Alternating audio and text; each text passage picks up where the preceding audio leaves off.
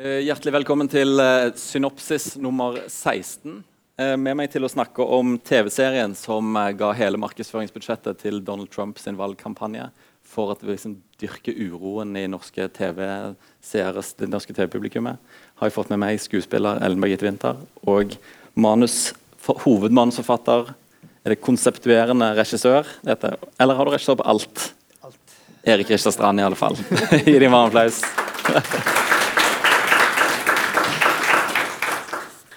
Jeg begynner som vanlig med å høre liksom, om deres vei inn i bransjen i utgangspunktet. Hvordan var det for din del, Ellen Margitte? Uh, ja um, Når bestemte du deg for å bli skuespiller? Ja, nei, jeg bestemte meg når jeg var ti år, i London. Uh, jeg hadde før det Jeg har alltid vært veldig opptatt av dette med historiefortelling. Jeg har vært fryktelig glad i å høre historier fortalt, enten det var i bokform eller besteforeldre som fortalte fra krigen. og Veldig opptatt av det på en eller annen måte, men uten at jeg hadde fått satt det i noen slags form for system. At jeg visste at det var det noen som kunne ha som jobb. Eh, men så var jeg i London da jeg var ti.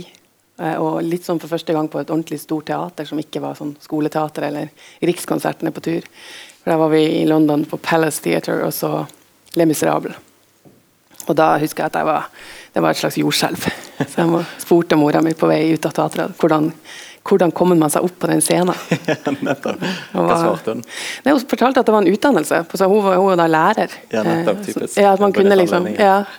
Så man kan gå lærerskole, du kan gå politiskoler, som min far gjorde, og du kan gå skuespiller på en eller annen skuespillerutdannelse. Ja. Og Det var jo nok et jordskjelv, for det, det, virket, altså, det, var liksom en slags form for fantasieksistens. som jeg, ja, Når jeg skjønte at det var noe håndfast, noe du kunne bli, mm. så, det, så har jeg egentlig aldri tenkt på noe annet. Hva var liksom veien derfra? da? Fra ja, da var det Bodø Amatørteater. Da måtte jeg tigge meg inn. Jeg fikk ikke plass, for det var fullt. Men jeg kjæreba om å få være rekvisitør eller et eller annet. Og så falt det Om å være rekvisitør. rekvisitør mm. ja, Bare for å få være med, da, på en eller annen måte. For å få være i nærheten av det der eh, som var så fantastisk. Og så ble de øm, tror jeg, når jeg, ble så, når jeg var så veldig opptatt av det. Så, så da fikk jeg være med der. Så jeg holdt på i Bodø Amatørteater, og det er masse sånn amatørvirksomhet i Bodø. Og så eh, eh, ja, Romerike folkehøgskole og Statens teaterhøgskole fra 1997 til 2000. Ok. Ja. Hvordan var det for deg, Erik? Hva var din første jobb i film- og TV-bransjen? Første jobb? Uh, det var jeg her i, i Bergen. Så ja, jeg hadde laget noen kortfilmer. Sånn bare med kompisene mine, eller folk som jeg liksom uh, tvang med. Uh, så, fikk, så jobbet, ja, så studerte jeg teatervitenskap her på Høyden. Yes. For det var det liksom eneste faget du kunne ta hele studielånet og bruke på å reise. Og så bare ta eksamen når du kom tilbake. For det var ingen sånne pliktige innleveringer. Ja, så jeg hadde reist et halvt år, så kom jeg hjem og måtte liksom ta eksamen på tre måneder. Og hun ene foreleseren min der heter Lene Løtvedt, og hun skulle lage en kortfilm. Hadde hun fått penger til fra Vestnorsk, så da fikk jeg lov til å liksom være B-foto kamera, altså second camera på det. Det var en amerikansk fotograf. Ja. Så han trodde jo at jeg kunne uh, dette. Så han kom liksom med 16 mm-kamera og bare ba meg om å skifte magasin. magasin. så hadde jeg fått en magasin som filmrullen er inni, som ja. står på toppen av kameraet. Dette var før det ble video. Så det var det jo bare å lære seg det. Og det foregår jo da sånn at Filmen kan ikke eksponeres, så du må putte hendene inn i et sånt telt. Og så må du føle deg frem. Helt i blinde. Og være helt sikker på at liksom, emulsjonen ligger riktig vei, og at, det, at du trer det her riktig. Mm. Det var liksom min ilddåp i filmbransjen. Jeg, jeg, tror det gikk greit. Hadde, det var ingen sånne tekniske Jeg skulle også dra fokus, da. Ja, okay. Som er jo helvete å lære seg. Som mange bruker mange år på. Men jeg fikk liksom to dagers opplæring, og så bare begynte vi. Og hvordan gikk det? her? Jeg tror ikke filmen ble sånn kjempebra, men jeg tror ikke det bare var min feil. Men uh, jeg tror det gikk helt greit. Jeg husker en gang så hadde For jeg visste ikke helt sånn kutyme med dette med regissøren. Nei. Og alle innspillingslederen og alt det her var litt sånn uh, nytt for meg, for jeg hadde liksom gjort alt sjøl før. Men her var det liksom et stort sett og Hierarki. Ja, så mm. husker jeg vi satt på, inne på et toalett på verftet og skulle filme en sånn scene hvor hovedrollen typisk ser seg selv i speilet og har en samtale med seg sjøl mm. og en fe. Men så satt jeg der med det hjulet og skulle dra fokus. For da skal du liksom dra fra speilet og tilbake igjen. Da må du regne liksom fra henne til speilet og til svarene. Så det var mye kompliserte greier. Ja. Og så syns jeg det tok så lang tid, for da hadde vi tatt flere tagninger. Hvor regissøren sa takk. Ah, ok, fint, Så gjorde jeg klart, så sjekket jeg om det var nok filmrull igjen til en tagning til. Og så var det det. Men da var jeg veldig redd for at de skulle gå tom for film midt i tagningen. Så i den ene tagningen så bare sa hun ikke takk. Og jeg satt liksom sånn til at jeg kunne ikke se hva som skjedde. egentlig. Jeg kunne bare se liksom hvor skuespillerne sto. Så det endte med at jeg sa takk. For jeg tror jeg var så redd for at, film, at det skulle gå tom for film. Og at jeg syntes, Hadde hun glemt det å si takk? Eller? For det, liksom, det var bare en evighet med stillhet. Så jeg begikk liksom kardinalsynden på et filmsett. Som er å si takk før regissøren for regissøren. Og fikk jo høre det etterpå. da Men uh, det var liksom det jeg husker best fra den jobben. Men du har gått uh, Teaterhøgskolen. Har du noe formell uh, filmutdanning?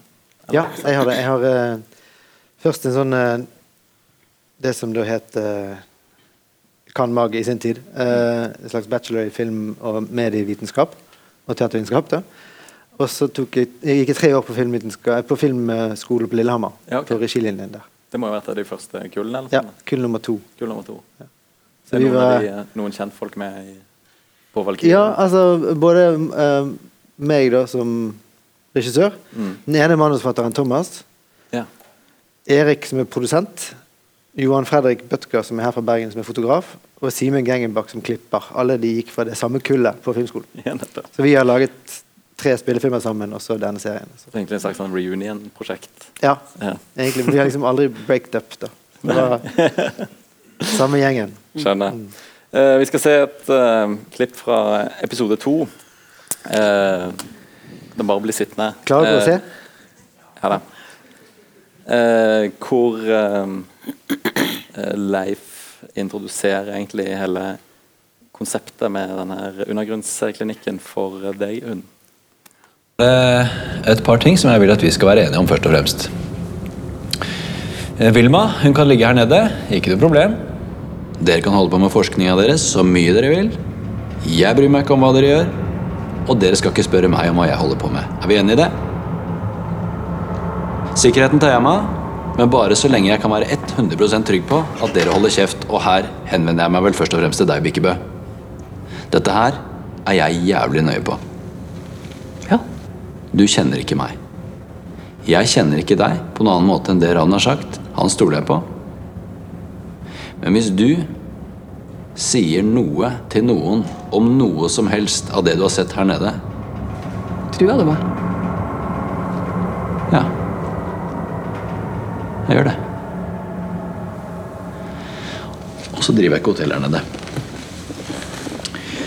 Til gjengjeld for gjestfrihet og tryggheten jeg tilbyr, skal dere gjøre noen småjobber for meg. Hva slags, hva slags jobber da? Enkle ting.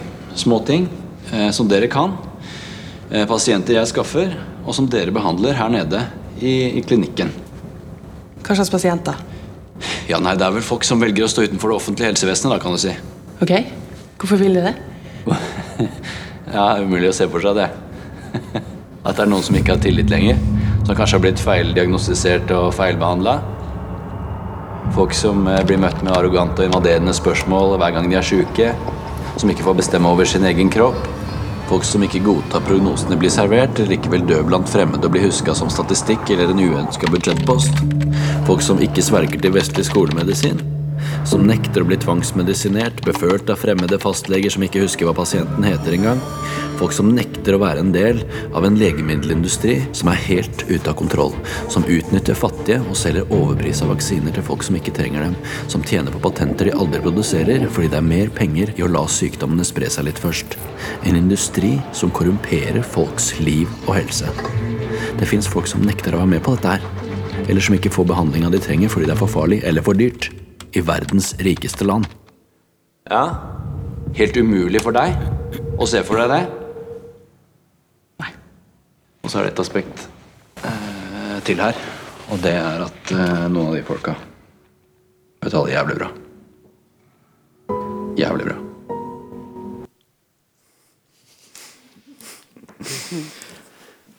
Var denne scenen alltid sånn? Fra første utkast av manus? Um, nei. Var ikke, scenen var der alltid.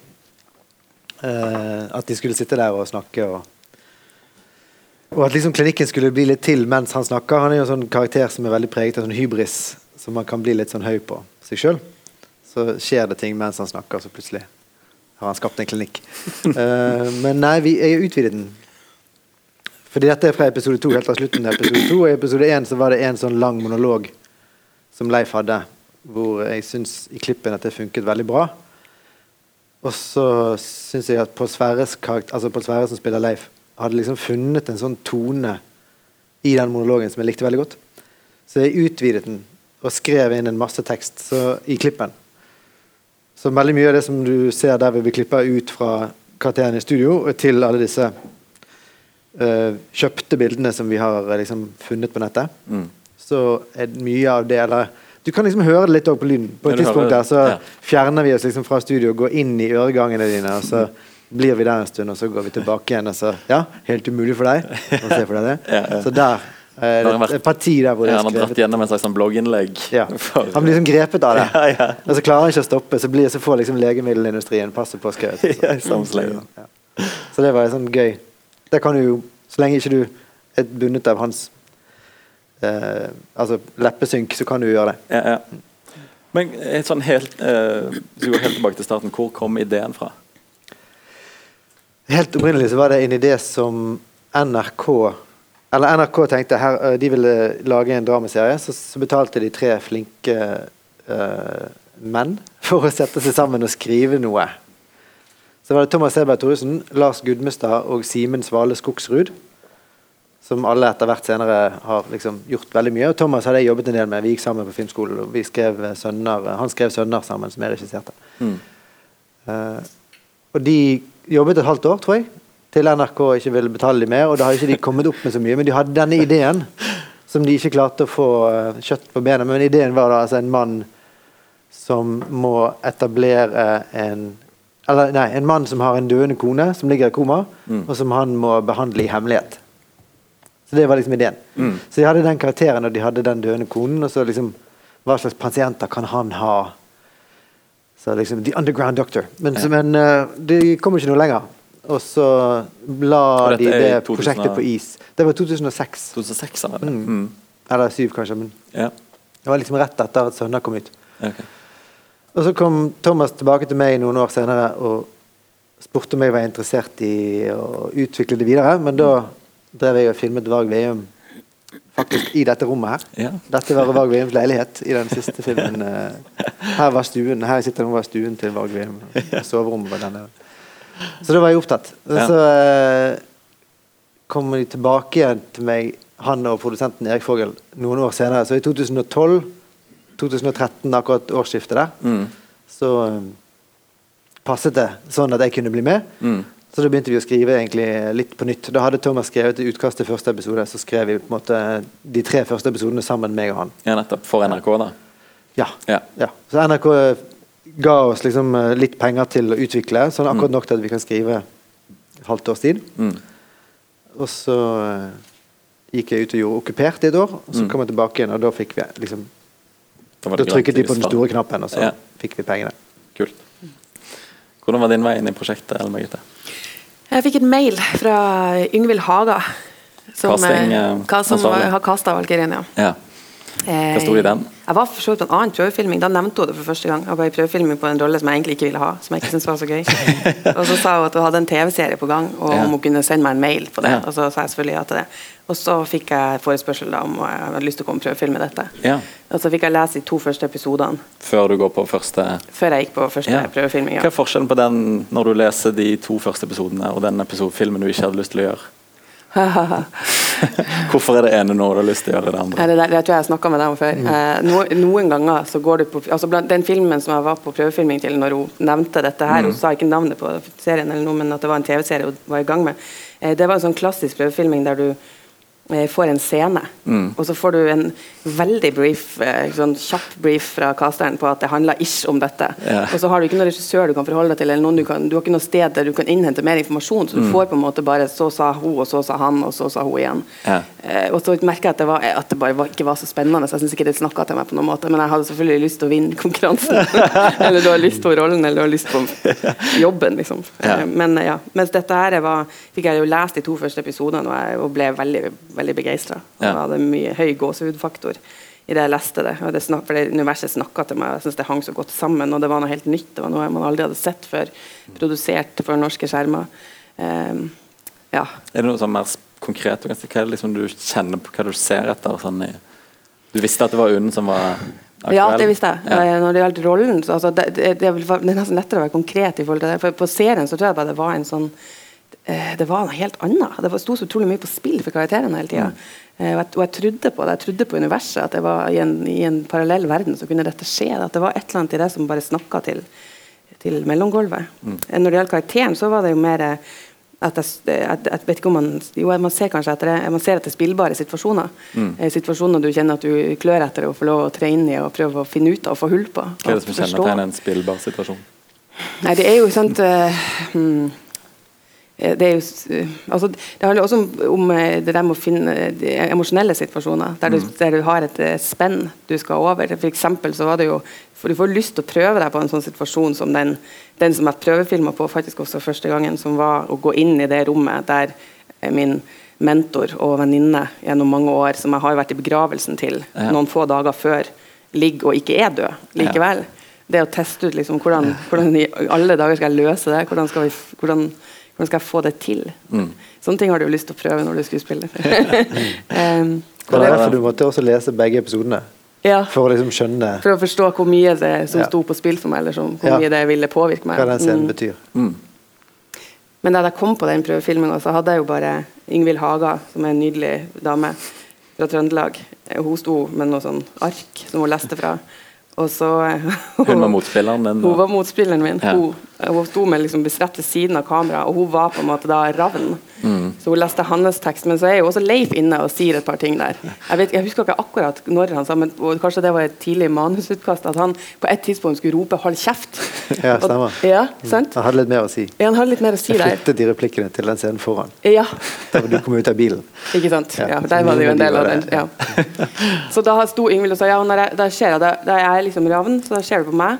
Og når jeg gjør sånn og sier 'hold kjeft', jeg kommer ikke til å rope, eller noe sånt, men da, da ser du her. Og da er det liksom Leif som roper 'hold kjeft'. Talk to the hand. Yes. Og, så, og hvor er Vilma, da? Nei, hun, er her. Og så peker hun på en svart skinnsofa der jeg var sånn OK. Og vær så god. Din beste venninne og mentor. ja. Så det var liksom egentlig helt sånn umulige forutsetninger for å få for å liksom, tro på situasjonen. Ja, Uh, ja. Og så ser jeg prøvefilmingen etterpå. ja nettopp. I den Det var situasjonen. neste spørsmål. Ja, ja. Og så, sit- så ser jeg, så kommer jo tårene Ja. til Ellen Brite. Mm. Uh, fordi hun har skjønt situasjonen. Og klarer å se bort, se forbi skinnsofaen og, sofa, det. og liksom hånddukken. Ja, ja. Og uh, ja. Hvordan var det fått beskrive den uh, castingtapen? Hvor er det du ser den henne? Ser du den på kontoret? Ser du den på hjemme? På ja, vi prøvde på mange mail? til den rollen til, eh, til UNN. Mm. Uh, sted mellom 25 og 30, tror jeg. Oi. Er det, vanlig, er det mye, eller er det, er det usedvanlig mye, eller er det helt eh, normalt antall? Vet jeg ikke helt, faktisk. Eh, jeg ville prøve mange. Ja. Um, og jeg ville Det var noen jeg visste jeg ville prøve. Så var det Yngvild, som er veldig flink, som hadde noen hun også ville foreslå. Mm. Uh, så akkurat om det er vanlig det, Jeg tror det er ganske vanlig å prøve ganske mange. Men det, det er jo da veldig ulikt hva du får. Og uh, noen av de er bare kjempeflinke og kommer kjempegodt forberedt, mens andre har manus i hånden og liksom prøver å forstå situasjonen litt der og da. Og noen går veldig stort, og noen går veldig lite, så du må liksom zoome inn og se. Men det her er Yngvild veldig flink til, så hun klarer å skape, i hvert fall for meg som bare ser videoen da første gang, klarer hun å skape en troverdighet i situasjonen. Nok til at du klarte å gjøre en veldig god jobb. Og så kalte vi det vel inn en gang til, Ja. Og da var jeg til stede, tror jeg. Da var du til stede. Ja. Og en ny svart, en annen svart skinnsofa spilte Ja. da rollen som Vilma. For da var, vi, da var vi på ja. Var det forvirrende at det ikke var den samme svarte skinnsofaen? Akkurat det tok jeg ordentlig på strømmen. For da var Sven med Da var. Sven med, det hjalp jo litt. Ja, klart. Ja. Mm. Men da var jeg også inne og regisserte litt mellom. Ja. Tok vi to-tre tagninger. Ja, det liksom, gjorde vi. og Ja. Hva, hva sa du i de Hva var Hva måtte du regissere? Nei, jeg merket at Sven Nordin, som spiller han, han er veldig sånn uh, vant til å være alfa-han, Ja. på en måte. Det kan jeg se for Han er vant til liksom ha hovedrollen og være stor og ta og Han er en veldig sånn jovial, trygg fyr. Mm. Trygg i seg selv, men han inngir også trygghet til andre. Så han var veldig sånn uh, Med Ellen Brite var veldig sånn uh, taktil. Han var veldig uh, Mye berøring. Ja. Og de ble altfor gode venner. Ja. Syns jeg. Karakterene ble liksom For du er egentlig venninne med Ja, men situasjonen er jo at han har nettopp begravet sin kone. Mm. Og det er da din måte, beste venninne og mentor. Og alle har grått, og det har vært følsomt. Og så plutselig skal hun se at der ligger hun, og det er liksom 100 spørsmål. Og det er liksom grotesk og under jorden og i en gammel bunker.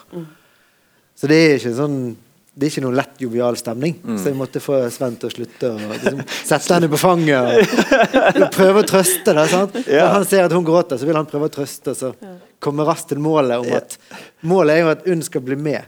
UNN skal rekrutteres inn i prosjektet Klinikken, som liksom var det vi så slutten av her nå. Men uh, Sven gikk liksom litt hardt, hardt til verks, da. Syns jeg. Yeah. Så det, men det skjønte han jo. Yeah. Men det er jo gøy for han òg, for det, det får jo han prøvd ut scenen også egentlig for første gang. Ja. Selv om han allerede hadde rollen, så har jo ikke han prøvd scenen. Men eh, prøver dere mange sånne iterasjoner før dere liksom finner tonen? Sånn du har På, prøvefilming eller Nei, på sett? Nei, på sett òg, egentlig. Vi pleide å møtes, vi hadde jo gjerne innspillingsdag som begynte rundt åtte, altså i hvert fall i klinikken. Og da blokka vi scenen først. Hva vil det si, det vil si at vi eh, vi har jo da en plan allerede, for vi har hatt leseprøver og lest igjennom og snakka om hva det handler om, og kommet med innspill og alt det her. Men da, da prøver vi det ut på, på, eh, i klinikken, da. Ja. Og kommer med, da kommer vi gjerne med forslag, Erik kommer med forslag, og vi kommer til en slags enighet da, sammen med Erik og også med kamera, med Johan Fredrik Bødtke. Da, Ja, som- for da, altså, der går fysisk gjennom da går vi scenen. fysisk Ja. gjennom og så prøver vi forskjellige ting. Og kjennes for skuespilleren hva som kjennes organisk. Og Erik som da har en tanke allerede som, som hele, Han ser jo hele tida helheten. ikke sant? Mm. Vi går inn i situasjonene og har ikke det ansvaret for den helheten. Og så kommer jo Johan Fredrik også og melder om at den vinkelen er fin, for da får han det lyset og den Ja. med. og ja. Er det vanskelig å ha det i hodet, eller prøver skal du glemme det etter han har sagt det? Altså sånn Hvor du skal stå pga. lys og Å ja, nei, ja, nei, det er ikke så vanskelig. For det, det, det, eller det kommer jo helt an på, selvfølgelig. Det finnes noen situasjoner der det er vanskelig òg, men det er vel mer den at ja, man leter etter en organisk måte å løse det på. Og hvis man kjenner at noe i det er veldig lite organisk, så ber man jo om hjelp. Og så finner man et slags kompromiss, eller man justerer på det, sånn at det kan, skal kjennes ut. Altså, vi er jo avhengig av å kunne, kunne gå inn i situasjonen og tro på den mest mulig. Husker du noen eksempler? Der, det, Der det ikke gikk. der, dere måtte gjøre noe endre, eller der du ba om hjelp?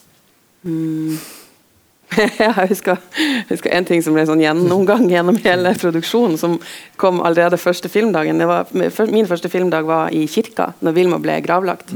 Der er det en dialog med Sven Nordin også. Og Erik, Det er om, om vinklinga på kamera og hva det du får med deg i kamera. Så Erik ville hele tida ha meg til å stå liksom oppi Sven, og gjerne sånn bitte litt bak han, sånn at jeg liksom sto sånn og pusta han i nakken. Det stemmer. det.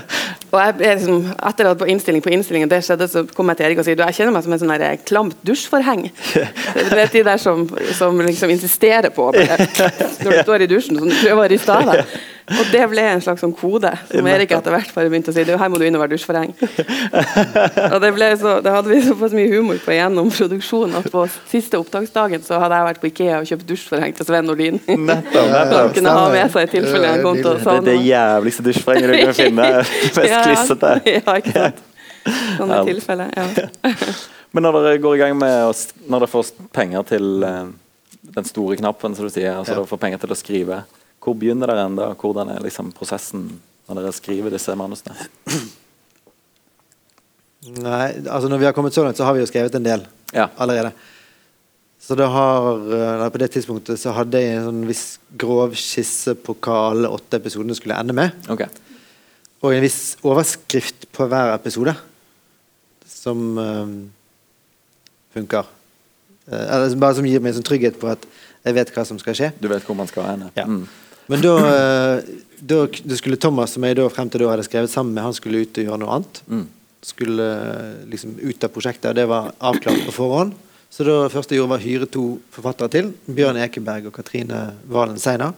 Som jeg hadde jobbet med, og som heller ikke kjente prosjektet, og som måtte da inn i prosjektet. Oi. Det tar jo litt tid. Ja. For da må de lese alt og ha lange dybdesamtaler med meg Ja. om uh, hva er hva er sjangeren her? Liksom, hva er følelsen Hva slags serie er det vi skal lage? Mm.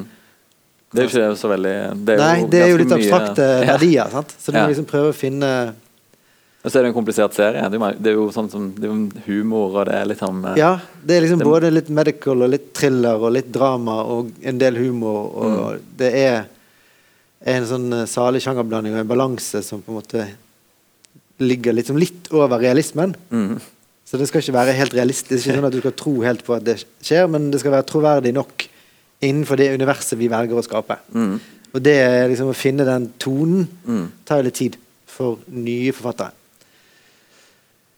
Så da gjorde vi det. Da fikk vi de inn og, og begynte å jobbe med de i noen måneder. Fikk opp en episode fire, fikk opp en episode fem. Og så jobber jeg sånn at jeg velger Jeg, jeg liker å vente med å skrive liksom, så lenge som mulig. Så jeg jobber veldig lenge på tavler. På okay. sånne ark. Sånne Skal vi se på et Ja, du kan hente opp et hvis du har en. Her har vi episode åtte. Sånn her, ja. Så dette dette er et eh, tidlig eksempel på episode åtte, så vidt jeg kan si. Ja. Det er Hvis vi da Altså, en episode er 45 minutter, sant? Mhm. Og sånn Noe vi har lært fra Amerika, der de har liksom perfeksjonert den eh, kommersielle timen, Mm. der en time blir Altså en time TV in, eh, avbrutt av eh, reklame Ja. blir da 45 minutter til sammen. Så etter 10-12 minutter så kommer reklame, så kommer reklame, så kommer reklame, så er det ferdig. Så har du en liten, et anslag helt først, og så begynner akt 1, akt 2, akt 3, akt 4. Så har du gjerne en liten epilog, da, Ja. i dette tilfellet på episode 8. Ja. Så har du Så jobber jeg med gjerne fire som regel linjer i historien i hver episode. Mm. Av og til fem. ja. Er det fargekodet her? Ja. Så her i dette tilfellet så tror jeg Leifs linje er rosa. Mens eh, Unn er blå. Ja. Unn er blå, men Unn er også litt uh, gul og sånn. Men uh, ja. Eh, Ravn og Vilma er gule. Ja. Siv er litt sånn uh, pistasjegrønn. Mm. Og Theo er oransje. Siv er stedetteren, sant? Siv er stedatteren. Ja, ja. Mm, stemmer. Stedatteren til Vilma og Ja. Så da jobber jeg liksom lenge med med dette bare som scener. Sant? Dette er en scene. Så det første er en postakopalyptisk vinter. Det kan bare være to bilder. Tre bilder. Hvor du ser eh, flyalarm, spørsmålstegn. Mm. Inn i episoden to dager etter. Norge løsrevet, Norge responderer, middelklassen plyndrer. Sant? Dette var tidlig når jeg trodde jeg hadde mye penger. Eh, Samfunnets respons på krisen. Yeah. Mens første scene er liksom Leif i krisemøte, Mm. hvor han holder en sånn tale bak rådhuset til folket. Mm. Og knallhard pessimisme med skjult skadefryd. Mm. Vi må skremmes til endring. Klipp til sykehuset, Mm. hvor det er krise, og Vilma jobber, og Unn jobber, og det er liksom forskning versus strøm. Mm. Og så er det Siv som drar ut på en farlig tur, Mm. og Leif som går rundt og er egentlig veldig stolt over det han har gjort, Mm. og Så, videre. så dette er veldig nyttig for meg, for da kan jeg se at jeg klarer å gå innom de forskjellige linjene, sånn at de holdes ved like, og de holdes varme, og at publikum akt, da, ja. ja, og sånn, også at klippene mellom der til dit, eksempel, eller der til dit, er lange nok. Ja, sånn. Men ikke lange nok, for lange til at du mister tråden. At, at det, det hullet som du velger å klippe vekk, eh, gjør det mer spennende. Ja. Så sånn jobber jeg lenge. Og da jobber jeg med å snakke gjennom episoden. OK. Med manusforfatterne. Ja, med manusforfatter eller andre folk veldig ofte, fordi Ja, ok. manusforfatterne vet jo De kan jo historien. Ja. Så vi tar inn folk som bare går forbi kontoret, og så kan jeg pitche i denne episoden for deg. Ja. Og så, så merker du veldig tidlig, eller veldig tydelig, når liksom øynene glir litt over, eller når de kjeder seg, eller når de ikke forstår, eller ja. når de ler. sant? Uh, så det er veldig nyttig. Å snakke gjennom en sånn episode er veldig nyttig. Og det gjør du eh, Mange ganger. Ja. Mm. Så, det gjør jeg. så jeg, gjør, jeg bruker ikke synopsis, Nei. eller som dette heter. Men jeg, jeg går rett fra det, den tavlen Mm. til en såkalt step-outline, som bare er liksom to-tre setninger per scene. Mm. Og så rett til treatment, som er da typisk 20 sider, 25 sider. Men bare prosabeskrivelse. Som er egentlig alt unntatt dialogen. OK. Har du så angst for jeg- dialog? For å skrive dialog? Nei, det er jo det gøyeste. Ja, OK. Ja. Nei da, det er gøy. Så det er ikke prokrastinering? eh, Nei, men det er litt for å vite hvor mye plass du har. OK. Hvor mye plass du har til rådighet. Ja, til å Sånn at ikke du liksom går deg helt vill i en dialogscene som blir fire sider, og så, og så oppdager du at da blir plutselig manuset 65 sider. Nettopp. Så det er litt nyttig å bare ja, gå den rekkefølgen på det. Ja, ja. Jeg så en, eh, oppdaget en detalj her. Ravn tusja på Theos ansikt. Hadde, det, hadde han tenkt å Hvor står det her? Det står helt til høyre der, i epilogen. Ja, ja, ja. Skal han rett og slett skjære av ansiktet hans og endelig gi han denne face, uh, faceliften? Ja, det var en idé vi hadde. Valkyrien facelift. Ja, det var en idé, fordi at Theo er jo i trøbbel. sant? Han har rømt fra fengsel på det tidspunktet. Ja, ja. Men alle kjenner ansiktet hans. Ja. Så vi hadde en sånn greie i første episode, så sier Theo eh, Jeg hørte at du kunne gi meg et nytt ansikt, sier han til Ravn. Og så blir Ravn litt sånn indignert. Over det, og sier nei, det går ikke, det er bare tull. Eh, så hadde vi en sånn idé om at kanskje i siste episode så skulle han faktisk liksom, Skal vi se at han skulle begynne å gjøre det? Sånn at liksom klipp til sesong to kan vi bytte ut skuespilleren med en annen skuespiller, eller gjøre et eller annet. Uh, Da har du taket på han i lønnsforhandlingene. Det er sant. Men uh, vi valgte jo ikke å gjøre det. Var det noe i tråden til Ellen Bergitte som var annerledes i, i noen tidligere utkast? Ja, ja. Det var jo det. Ja, var det, når du, det episode, den du leste, var det noe annerledes Ja, der? ja, det, ja, det var det. Eh, ikke sånne svære Jo, for så vidt. Jeg hadde ei datter. Oi! Ja, det har du. Ja, jeg hadde ei datter og en eksmann. Ja, Så det var litt sånn styrete. Når jeg var nede i den klinikken, så skulle hun på noe ballett og noe greier. Så det var litt sånn, ja. Men så bytta de ut eh, dattera og eksmannen med Knut. Ja.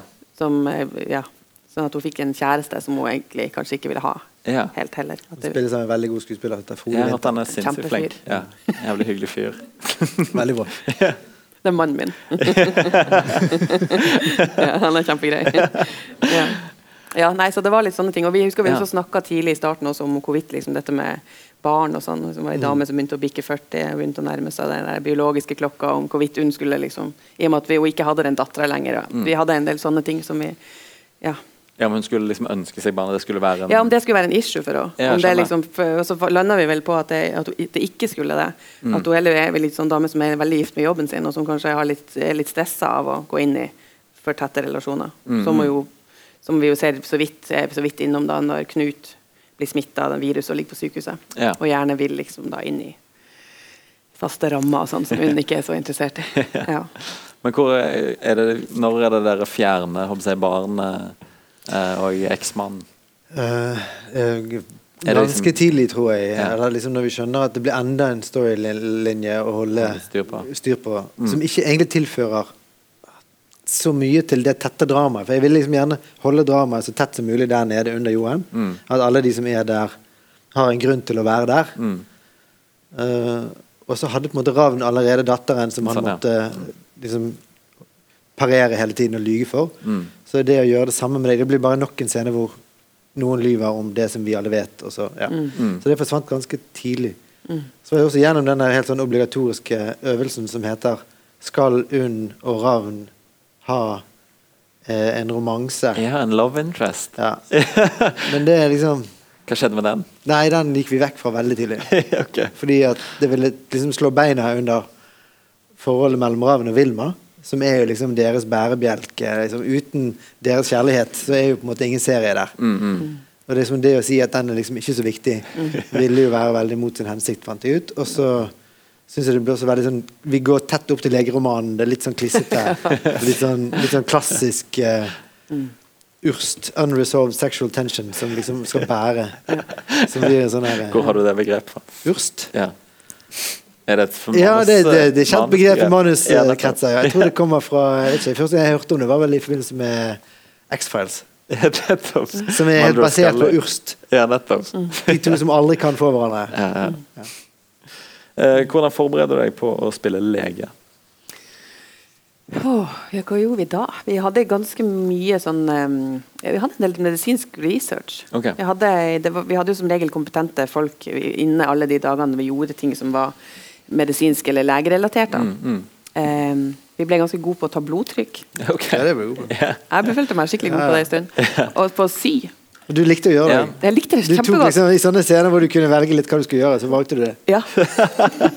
og fikk også kjeft for at det var sånn Ja, men du, herregud, du er i bakgrunnen, vi trenger at du går. Ja, men jeg er ikke ferdig med stinget mitt. Ja, men nå må du gå derfra.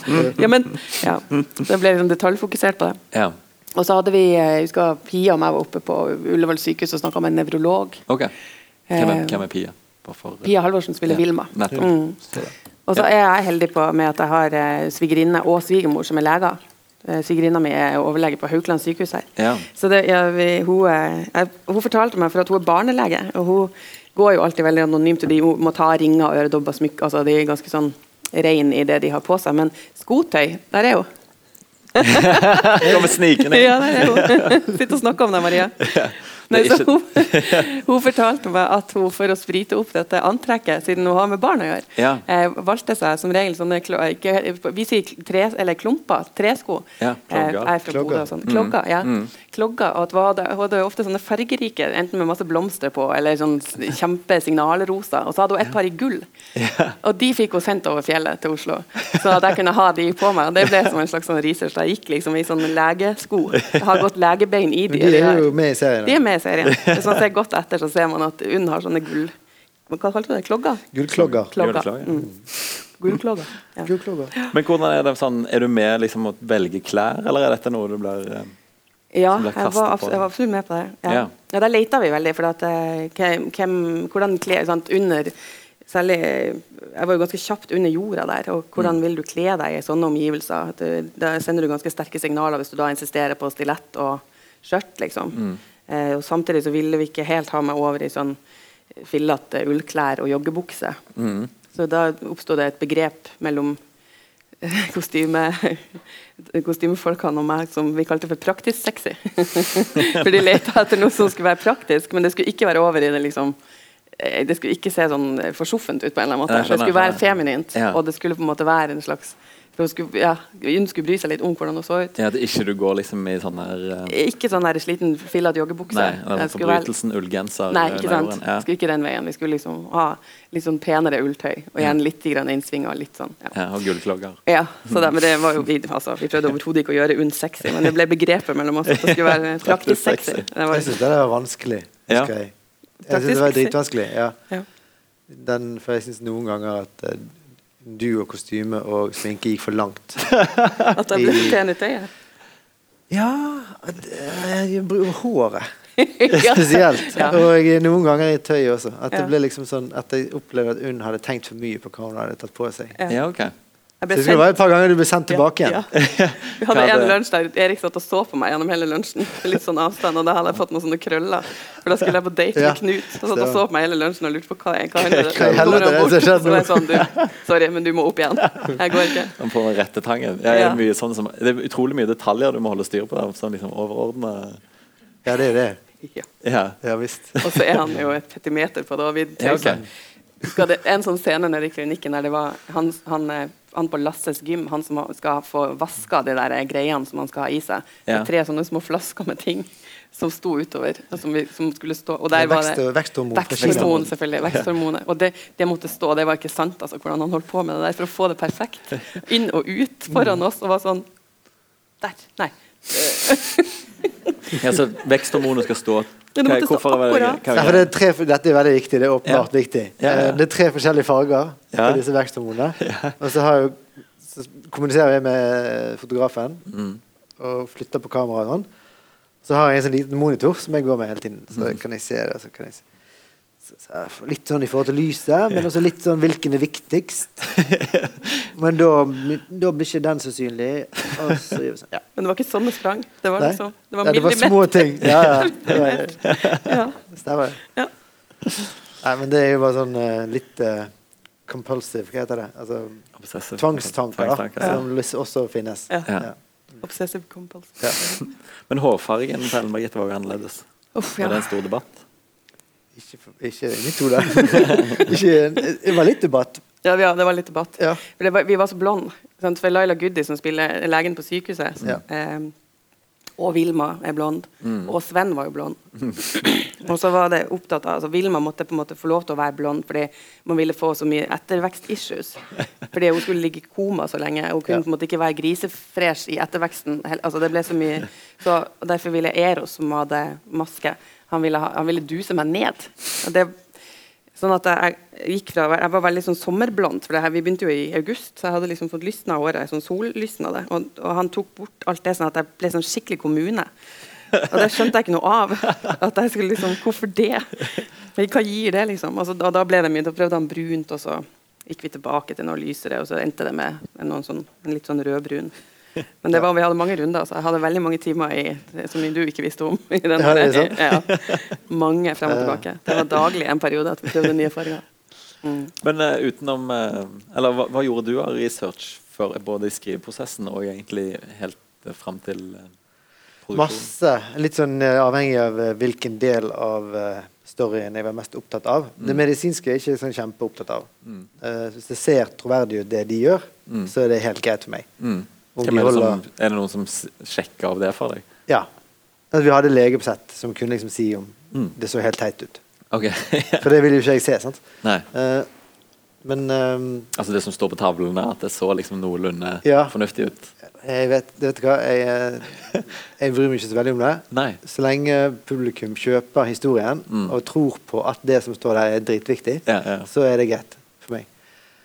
Klart, Hvis du skal liksom virkelig inn og, og snakke om det og være i detaljer, så er det greit at det henger sånn noenlunde på greip, Mm. men for meg er ikke det så mye viktig. Altså, Nei, det er mer situasjonen mer enn fakta da, som er Ja. viktig for meg. Så jeg gjorde mye research på karakteren til Leif. Altså dette preppermiljøet, doomsday-tankegangen og liksom dommedagsfrykten. Hvor gjorde du det? Anne? Eh, Mye på nettet. Ja. Sånne forum som finnes. og litt sånn på... Fortell om noen av de forumene. Ja, Det finnes sånne forum som det som du ser i serien, Mm. som egentlig bare er rippet fra det som finnes i virkeligheten. Som er et sånn forberedelses-dommedagsforum hvor de snakker om eh, hvor du skal flykte hvis eh, krigen kommer, eller hvis eh, solstormen kommer, eller hvis strømmen går, eller hvis sykdommen kommer. Og hvordan, hva du skal pakke i bagen din, og hvordan du må ha en sykkel og motorsykkel, ikke en bil, og hvor du må hamstre ting og tang. Og sammenligner de, da. Mm. Snakker veldig mye om det. Veldig opptatt av det. Ja. Så det gjorde jeg mye. Les, jeg leste mye på det. Jeg leste en del bøker om den kulturen. Mm. Leste mye eh, sånne tankegods Mye tankegods som fins på nettet. Mm. Og så gjorde jeg en del research på eh, litt sånn på sykdommen til Vilma, og Mm. på den forskningen, den liksom meget eksperimentelle forskningen som Ravn og UNN bedriver der nede. ja, ok. Ja. Så det er en er liksom en Er det en eh, Nei, det henger ikke på grep i det hele tatt. Nei, nei, nei. Du, du kan ikke bruke den til noe. nei, nei, nei, det var ikke det jeg hadde tenkt. Nei, nei, men altså den, eh, Jeg vil ikke anbefale noen å prøve det. Eh, nei, men eh, så gjorde vi mye research på, på liksom selve liksom, Når vi begynte å finne location i Oslo, når vi fant alle tunnelene og alle, når vi fant T-banestasjonen. Ja, Var dere rundt, liksom? Ja, ja, ja. Mange dager. Veldig gøy. Ja, okay. Senest for to uker siden var jeg rundt og så. Kjempegøy. Jeg har blitt godt kjent med de som jobber i Sporveien. Ja, nettopp. Så nå tar du bare sånn her Ja, så kan jeg ringe til Geir. Søndagstur. søndagstur. Nei, ikke helt fullt, for det er jo veldig strenge sikkerhetsregler. ja. Men hvis vi gjør det liksom i ordnede former, så, det, så har vi liksom fått sett veldig mye. ja. Brukte mye tid på det. Mm. Både For å finne de det visuelle gangen, ja. og liksom følelsen og fuktigheten og liksom stoffligheten i, Mm. i universet, men også for å få ideer til historier. Altså ideer til scener ja. Som du kan ta ut av studio og flytte til en location som ser bare mye fetere ut. Mm.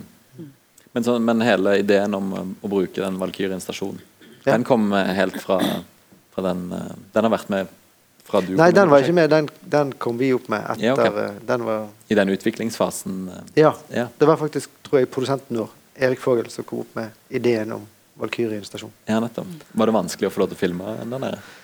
Nei. Nei. Eller ikke som jeg vet om, i hvert fall. Det kan godt hende noen gjorde masse som forhandlinger som ikke jeg vet om. Men eh, jeg tror det gikk greit. Ja. Ja. Så lenge vi var eh, trygge, altså så lenge vi fulgte deres sikkerhetsanordninger, hadde på oss hjelm og gule vester og ikke gikk der vi ikke skulle gå. Mm. For det er jo, Det det er jo ekstremt minutt, eller eh, noe. trafikkert. Hvert tredje minutt går det jo tog forbi. Ja. Eh, Så det må vi bare omfavne og ta med i scenene. sånn. Ja.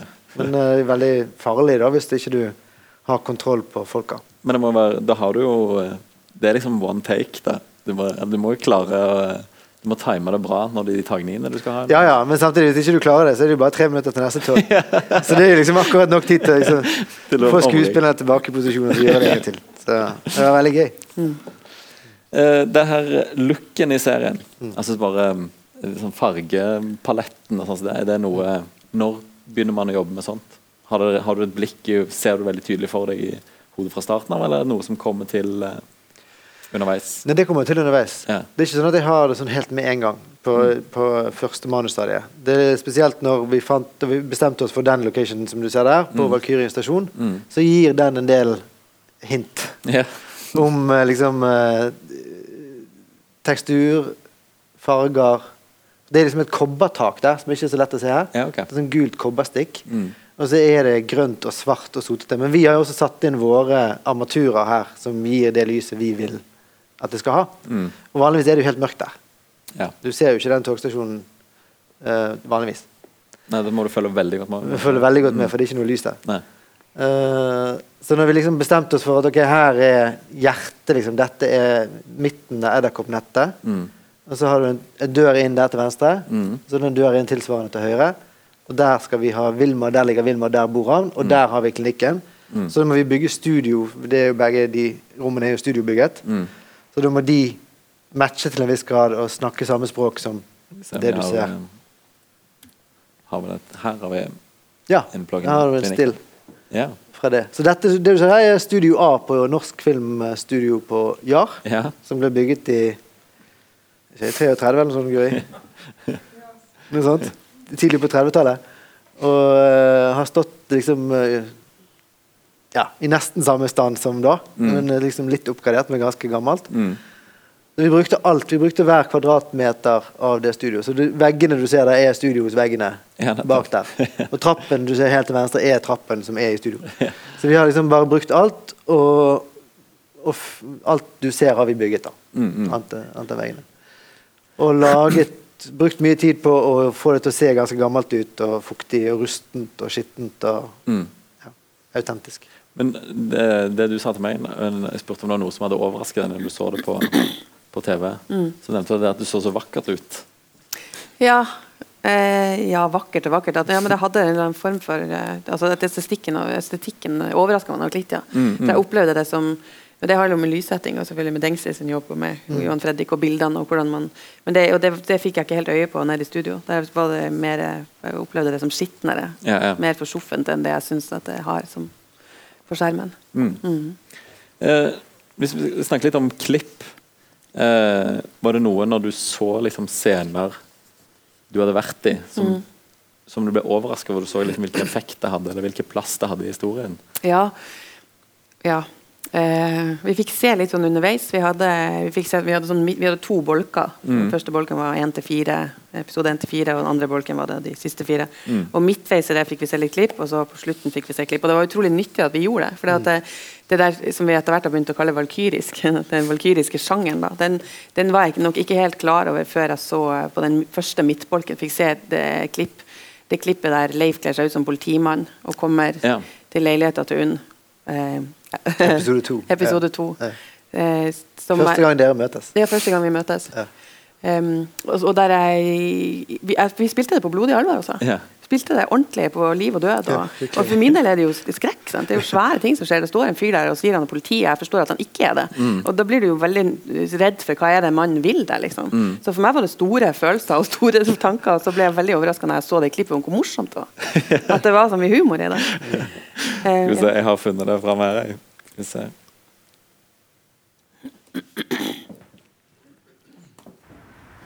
Hvem var det?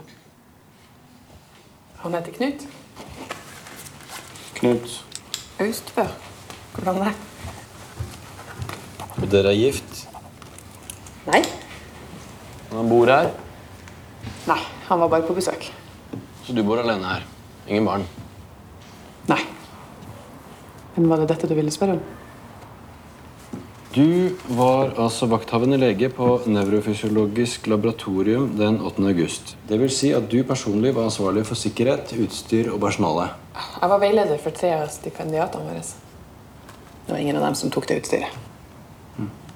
Og dette utstyret, da, er det sånn at det kan være av interesse for noen utenfor sykehuset? Ikke som jeg vet om.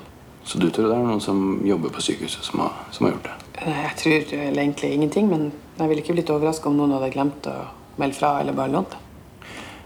Ja, for enn så lenge så er det jo bare du eh, som er mistenkt i saken her. Jeg er mistenkt. Du er suspendert, du.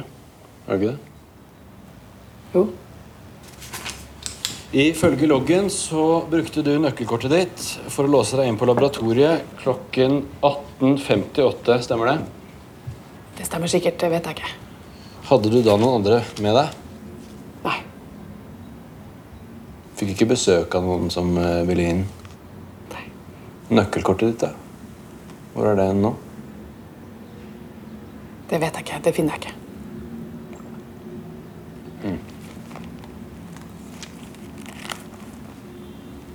Det er ekstremt viktig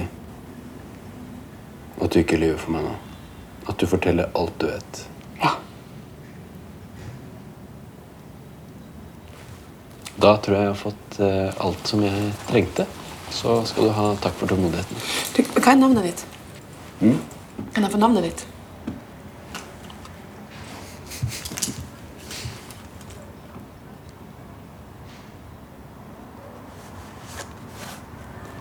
Ja, vet du hva? Da, da Skal vi se. Da er det en siste Ja, time. må Ja, du ikke nei, nei, Da må jeg dessverre ta den telefonen fra deg. Hæ? Ja, Hvorfor det? Det er helt standard. Bare, Standard? Hvorfor skal du ta telefonen? Ja, for jeg skal ikke ha noe ringing her nå. Bare, Hvorfor kan jeg ikke gi meg ring? Nå sier jeg at du skal gi meg en telefon, så gjør du det. Nei, du får Gi meg telefon. telefonen. Nei. Nå må du slutte. Selvfølgelig får du ikke telefon. Au! Rolig. Ta telefonen. Ro deg ned. Ro, ro deg ned.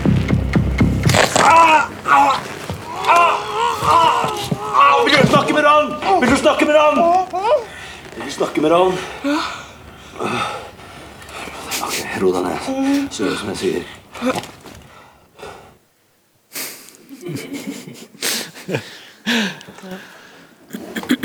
Var det bare Ellen Margitte som eh, ble overraska, eller fant dere noe nytt inni der når dere, når dere klippet, eller Nei. når er det liksom Nei, den ble sånn som jeg trodde den skulle eh, Sånn som den var skrevet, egentlig. Ja, Jeg tror ikke det er noe som er tatt ut der, eller Så du visste at den kom til å bli gøy? Ja, ja. Ja. Jeg koste meg. Men nå begynte det litt uh, seint. For det liksom det første så åpner han døren, og der Ja. står han i politiuniform. Og det er liksom første Da har vi sett Leif i to episoder som en litt sånn Ja. gæren, paranoid fyr under jorden. Mm. Som plutselig ser ut som en politimann og prøver å le leke det. Så det er sånn Jeg syns det er en kjempegøy scene å skrive og, uh, og regissere. Vi brukte én dag på hele den scenen der.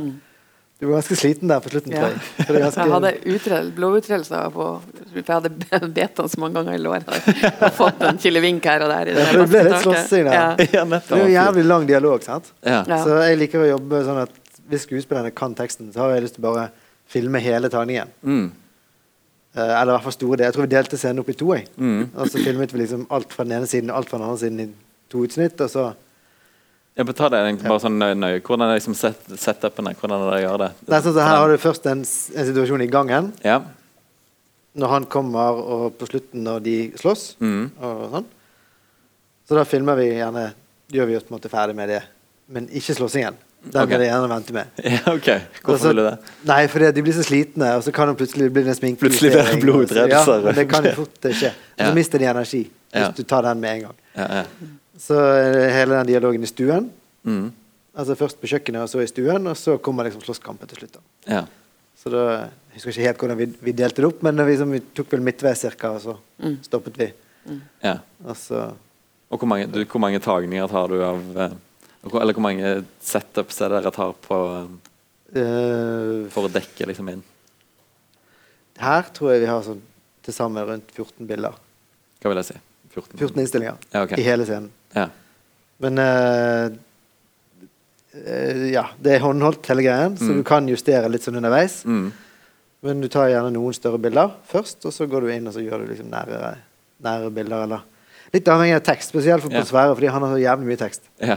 Så i begynnelsen så var det greit å få, la han få å begynne kanskje på Ellen Brite, for hun har mindre tekst. Okay.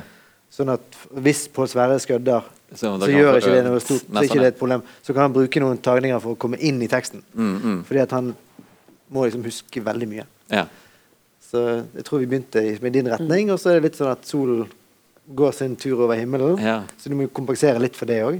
Hvordan må du kompensere for det?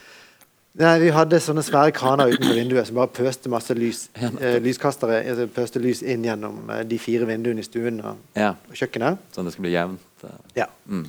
Og så må du blende litt når solen går forbi, Ja. Ja, ja. sånn at ikke du får flere skygger. Ja. Men hvor, hvor fri er dere til å liksom bevege dere rundt i stuen, eller hvor, eh, hvor låst er dere til? ganske fri når vi blokker. Okay. Fordi at jeg altså fri til sånn at du kommer med forslag Ja, til sånn, hva som kjennes organisk, hvordan tenker jeg at jeg ville gjort dette. Mm. Men etter hvert som vi, når vi begynner å, å skyte det, så må vi forholde oss til hvor kameraet er i større grad. Når det er håndholdt, så er det jo ofte eh, større frihet, fordi at kameraet kan følge det. Men da har du også gjerne liksom foretrukne utsnitt. sånn at du får liksom men når kameraet står i ro, så er du nødt til å forholde deg til hvor kameraet står. Mm, -hmm. Um, ja. Og ehm, eh, er det mye Altså når dere, dere hadde ca. 110 opptaksdager? Jeg, Ja, akkurat 110. Ja, nettopp.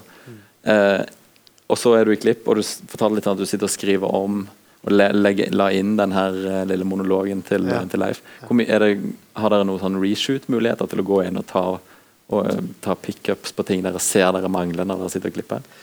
Det har vi. Eh, men nå klipper vi jo også underveis. Okay. Så allerede etter to uker så hadde jeg mulighet til å se de første dagene som vi filmet grovklippet. Ja, sånn, ja. Og Altså jeg hadde, scene jeg hadde tre klipperom rett ved siden av studio. Ja. I gangen ved siden av. Så jeg kunne gå rett fra studio og så se. Så hvis jeg var usikker på en scene jeg filmet en dag, så kunne jeg si det til klipperen min. Mm. Da kan du bare se på Sjekk det materialet her. Jeg er ja. usikker på om jeg har det jeg trenger. Mm. Spesielt nærbildet til UNN. Trenger jeg det, eller har jeg det liksom dekket? Mm, mm. Så kan han sette det sammen, så neste dag kan jeg komme og se, for da har jeg muligheten til å gå inn inn i studio og filme Ja, det bildet. da. Det gjorde vi noen ganger. Ja. Veldig sjelden, egentlig. ja. Men noen okay, ganger gjorde vi det. Hvilke, hvilke ganger er det man gjør det? Eh, typisk sånn Det er en del sånn skjermaction i serien. At uh, en karakter sitter og skriver på noe på en skjerm, ser på en skjerm, og så ser han på en annen skjerm, og så, og så skal han ha en reaksjon på noe. Typisk sånn som kan gå litt fort, eller kanskje fordi at du har så mange sånne scener, Mm. så er det tendens til at du samler de sammen. Ja. Og så tar vi gjerne en uh, halv dag hvor vi bare skyter reaksjonsbilder på skjerm. Og da er det lett for at du glemmer et bit fra en scene i en episode. Okay. Uh, jeg husker spesielt episode to er ganske mye av det. Mm. Hvor eh, Leif Theo viser shelterideen sin til Leif. Ja. Denne, han har en sånn plan, en veldig stor plan. Ja, er, det, om er, det, er den shelterideen hentet fra et sånn nettforum? Er den ekte? Nei, den er ikke ekte. Det er vi som har designet den. Ja, okay. ja. Men uh, den er inspirert av Ja, skjønner. uh, shelterideer, da. Ja, det var ikke meningen å avbryte. Nei, nei, men, ja. det, men det er typisk sånn, Det er et eksempel hvor du trenger det øyeblikket hvor Leif ser bort på den andre skjermen og oppdager at Vikebø står oppe. Og, ja. sånn. Skjønner, så de må, der var det en del Ja, noen sånne ting. Og så noen sånne Noen sånne innklipp, medisinske innklipp og sånn, som, Mm. Som er så komplisert teknisk å lage at ikke de egentlig finner tid til å gjøre det under innspillingen av selve scenen. Mm. For da har du lyst til å fokusere på å få skuespillet inn. Men da trenger du liksom skalpell, skjære gjennom, skjære gjennom kjøtt. Og, Ja, ja. Så. Kult. som vi da tar helt til slutt, når du har klippet det. Skjønner. Ja. Du, eh, tiden vår er ute, men eh, hjertelig tusen takk for at dere tok dere tid. Det var veldig gøy. En varm applaus til Ellen Birgit Winther.